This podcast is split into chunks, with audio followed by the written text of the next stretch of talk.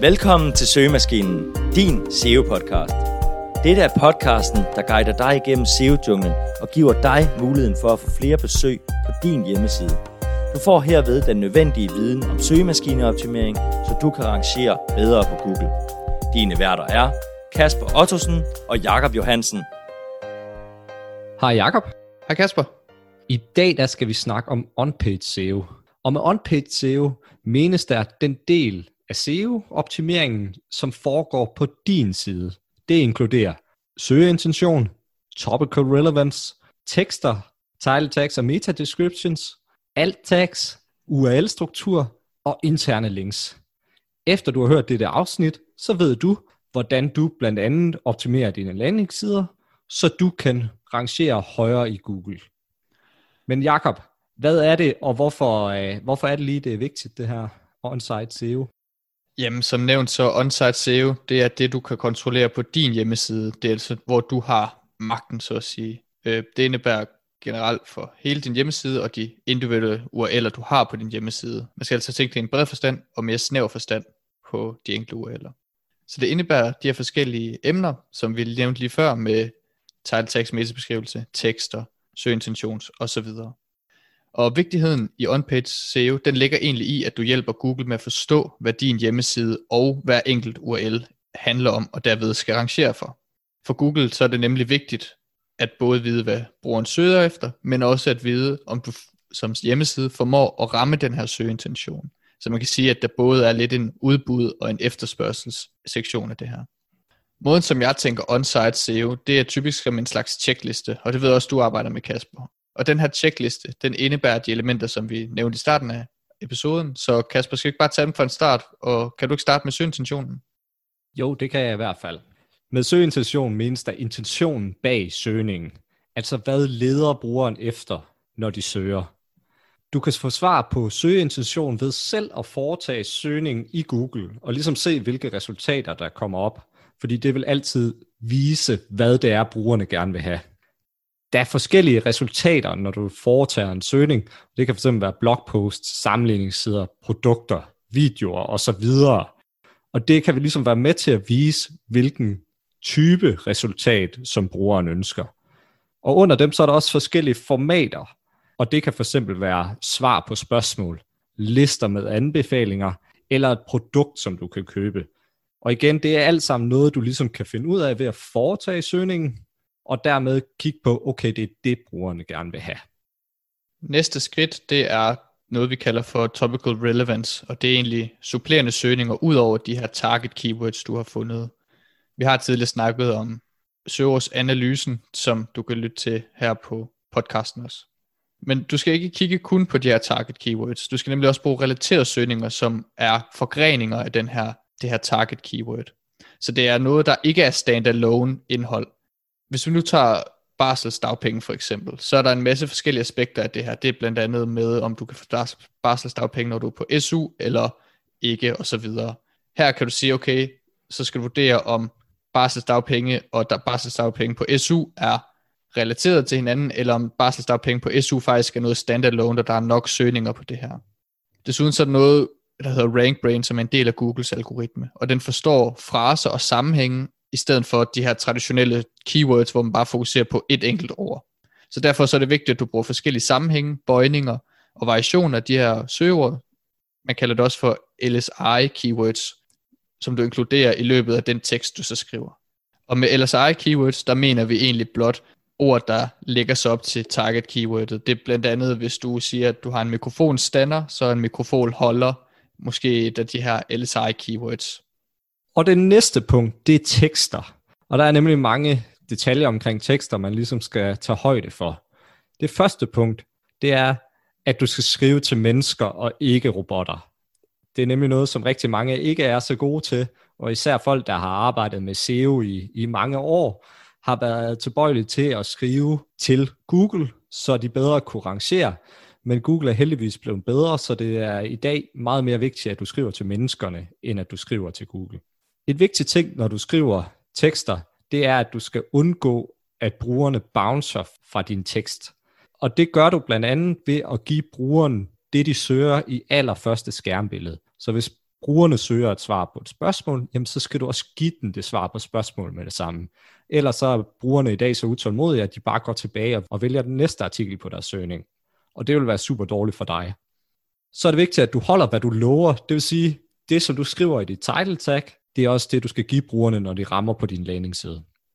Så skal du opbygge en logisk struktur, når du skriver dine tekster. Det skal nemlig give mening for brugeren. Det handler ikke bare om, at du skal skrive en rigtig lang tekst om de ting, som du lige synes er spændende, men prøv at sætte dig ind i, hvad er det, brugeren ønsker? Når du har svaret på det her spørgsmål, hvad er naturligt at svare på som det næste spørgsmål? Og det er noget, jeg i hvert fald ser, som rigtig mange gør forkert i dag. De bare skriver det ned, som de selv synes er spændende, som de lige har brug for. Og jeg tror selv folk, som ikke er særlig gode skribenter, de kan egentlig vinde rigtig meget på bare at lave en god struktur i deres tekster.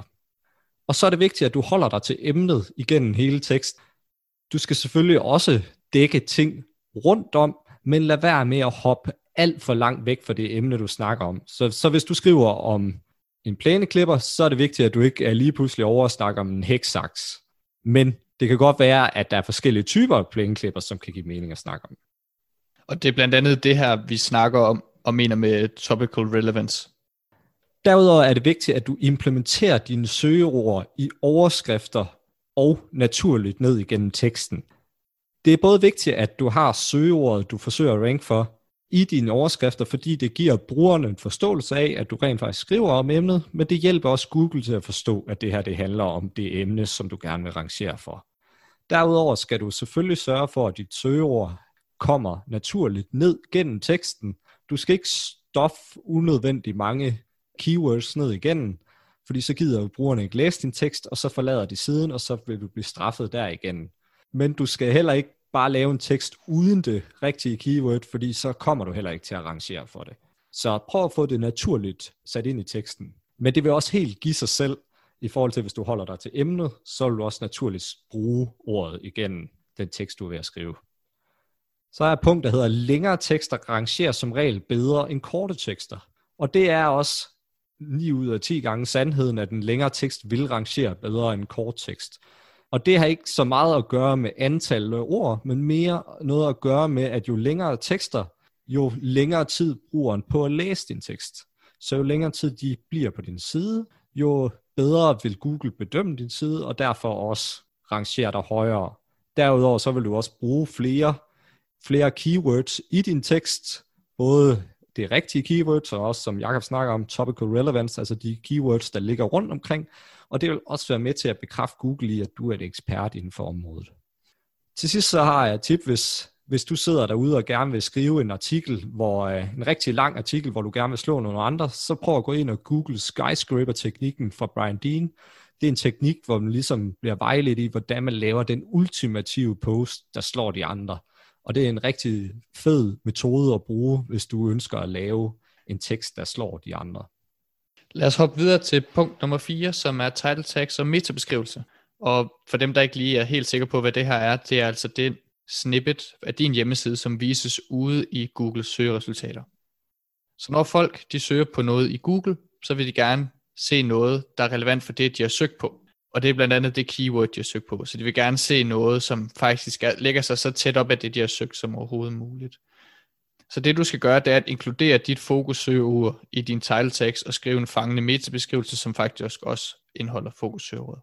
Det her søgeord, det bliver nemlig highlightet med fed i metabeskrivelsen, når, når brugeren søger ude i Google. Desuden så skal du fokusere på at gøre det spændende og klikbart. Ikke helt clickbait-agtigt, men du kan du får inspirationer for, hvis du søger på lån, så kan du se, hvordan de opbygger deres title tags med forskellige symboler og emojis og så videre. Vi siger ikke, at det er en god idé at gøre det, men for at skælde sig ud, kan det nogle gange være nødvendigt at være lidt kreativ.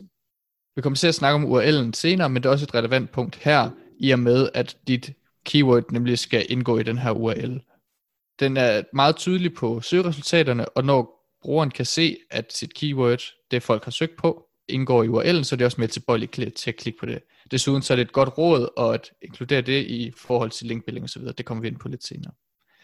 Endnu en ting, som er fordelagtigt for dig at gøre, det er at kigge ind på noget, der hedder schema markup. Og det er en slags markering af de elementer, du har på siden. Så det kan blandt andet være anbefalinger og reviews, hvor du kan få stjerner ud i Google søgeresultater, og det kan også være elementer som priser osv.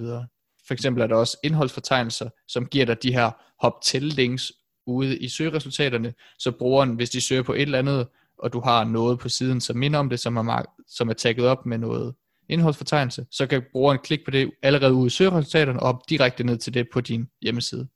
Det er rigtig positivt, fordi du får mere real estate ud i søgeresultaterne. Det vil sige, at du får mere plads sammenlignet med konkurrenterne. Når vi snakker om de her søgeresultater, så er det faktisk også muligt helt at hoppe køen over og springe direkte til nummer et placering. Mange kalder det faktisk øh, rank 0, og det er det her med featured snippets. Så hvis du for eksempel laver en søgning, hvem er H.C. Andersen, så kan du se et eksempel på det her. Her har Google taget noget fra den hjemmeside, der rangerer. Typisk så tager Google for dem, der rangerer i top 10 allerede, og så viser det det faktisk allerede ude i søgeresultaterne. Og der findes flere forskellige typer af de her featured snippets. Det kan blandt andet være tekst, det kan være tabeller, lister, og så faktisk også videoer. Dem ser man dog så, så meget af. Yes, så går vi videre til alt tags. Alt tags, det er det tag, du ligesom giver dit billede, som er med til at beskrive, hvad det her billede det handler om. Du skal huske at indsætte alt tags på dine billeder. Det kan nemlig være med til at hjælpe dig med at rangere i Google Image blandt andet. Det kan gøre det nemmere for Google at forstå, hvad dine billeder handler om, og dermed også, hvad din tekst handler om.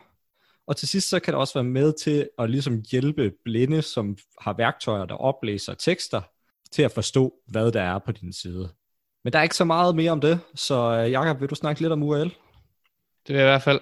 Og som tommelfingerregel, så skal du bruge dit fokusserver i URL'en og gøre den så kort som muligt. Faktisk har Brian Dean, som Kasper nævnte tidligere, og hans hold lavet en undersøgelse med over 11,8 millioner URL'er.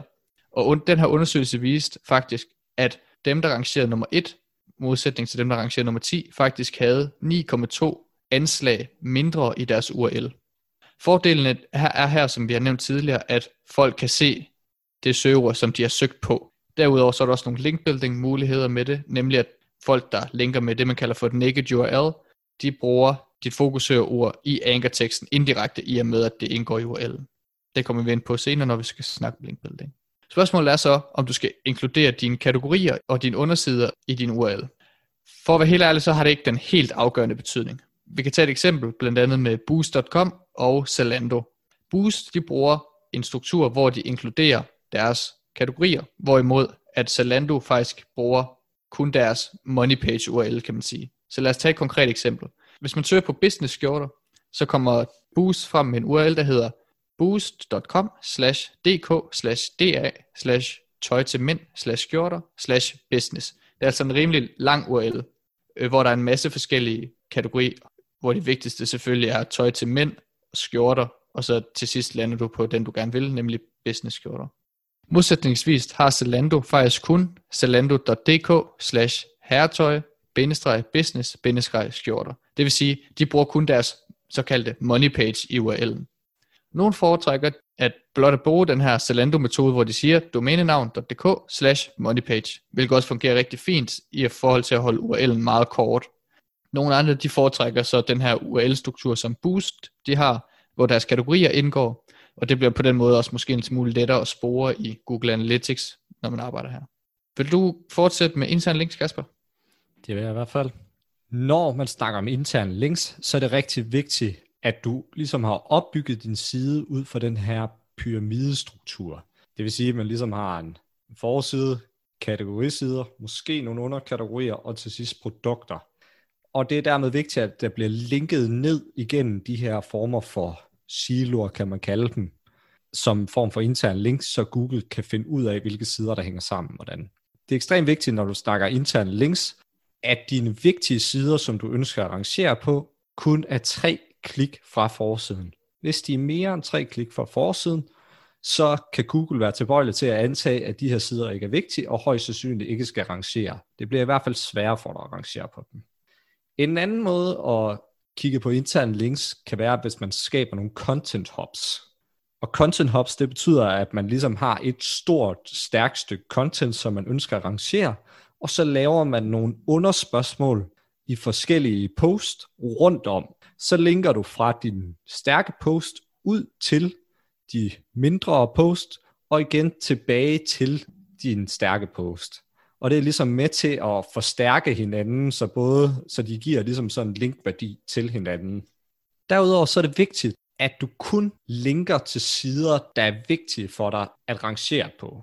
Du kan ofte have en masse sider, som for eksempel om os siden eller en cookie side, som egentlig ikke er vigtig for dig at rangere på, men som du ofte linker til for rigtig mange andre sider. Og når man snakker om for eksempel PageRank, så er det, så er det rigtig vigtigt, at du ikke fordeler den her PageRank ud til de her sider, som ikke er vigtige for dig at rangere på. Det er nemlig meget vigtigt, at det bliver fordelt ud til andre sider, som du ønsker at rangere for. Så sørg for, at du kun linker til vigtige sider. Til sidst så husk at bruge ankertekst. Det kan nemlig være med til at hjælpe både Google med at forstå, hvad siden handler om, men også brugerne, så de ved, hvorfor de skal trykke på det her link. Nu har vi været igennem vores on-page SEO checkliste, og vi håber, du kunne lære en masse af det og drage inspiration herfra. Du behøver selvfølgelig ikke at tænke på OnPage som en slags tjekliste, men det var i hvert fald vores P2 på det. Vi håber, at du har fået et større indblik i de konkrete tiltag, som du kan gøre for at rangere bedre i Google med OnPage SEO. Du skal huske, at selvom OnPage SEO er en meget elementær aspekt af SEO, så er det langt fra det eneste, du skal gøre for at få de her organiske resultater. Faktisk skal du have styr på off-page SEO, og det kan du blive meget klogere på i næste afsnit, som faktisk allerede er tilgængelig nu. Tak fordi I lyttede med. Vi håber, at du har lyst til at gå ind på iTunes, eller der, hvor du lytter til podcast, og give os en anmeldelse. Det er nemlig en rangeringsfaktor i podcast-appen, og derfor vigtigt, for at vi kan få flere lyttere, og derved kan hjælpe flere af jer med SEO.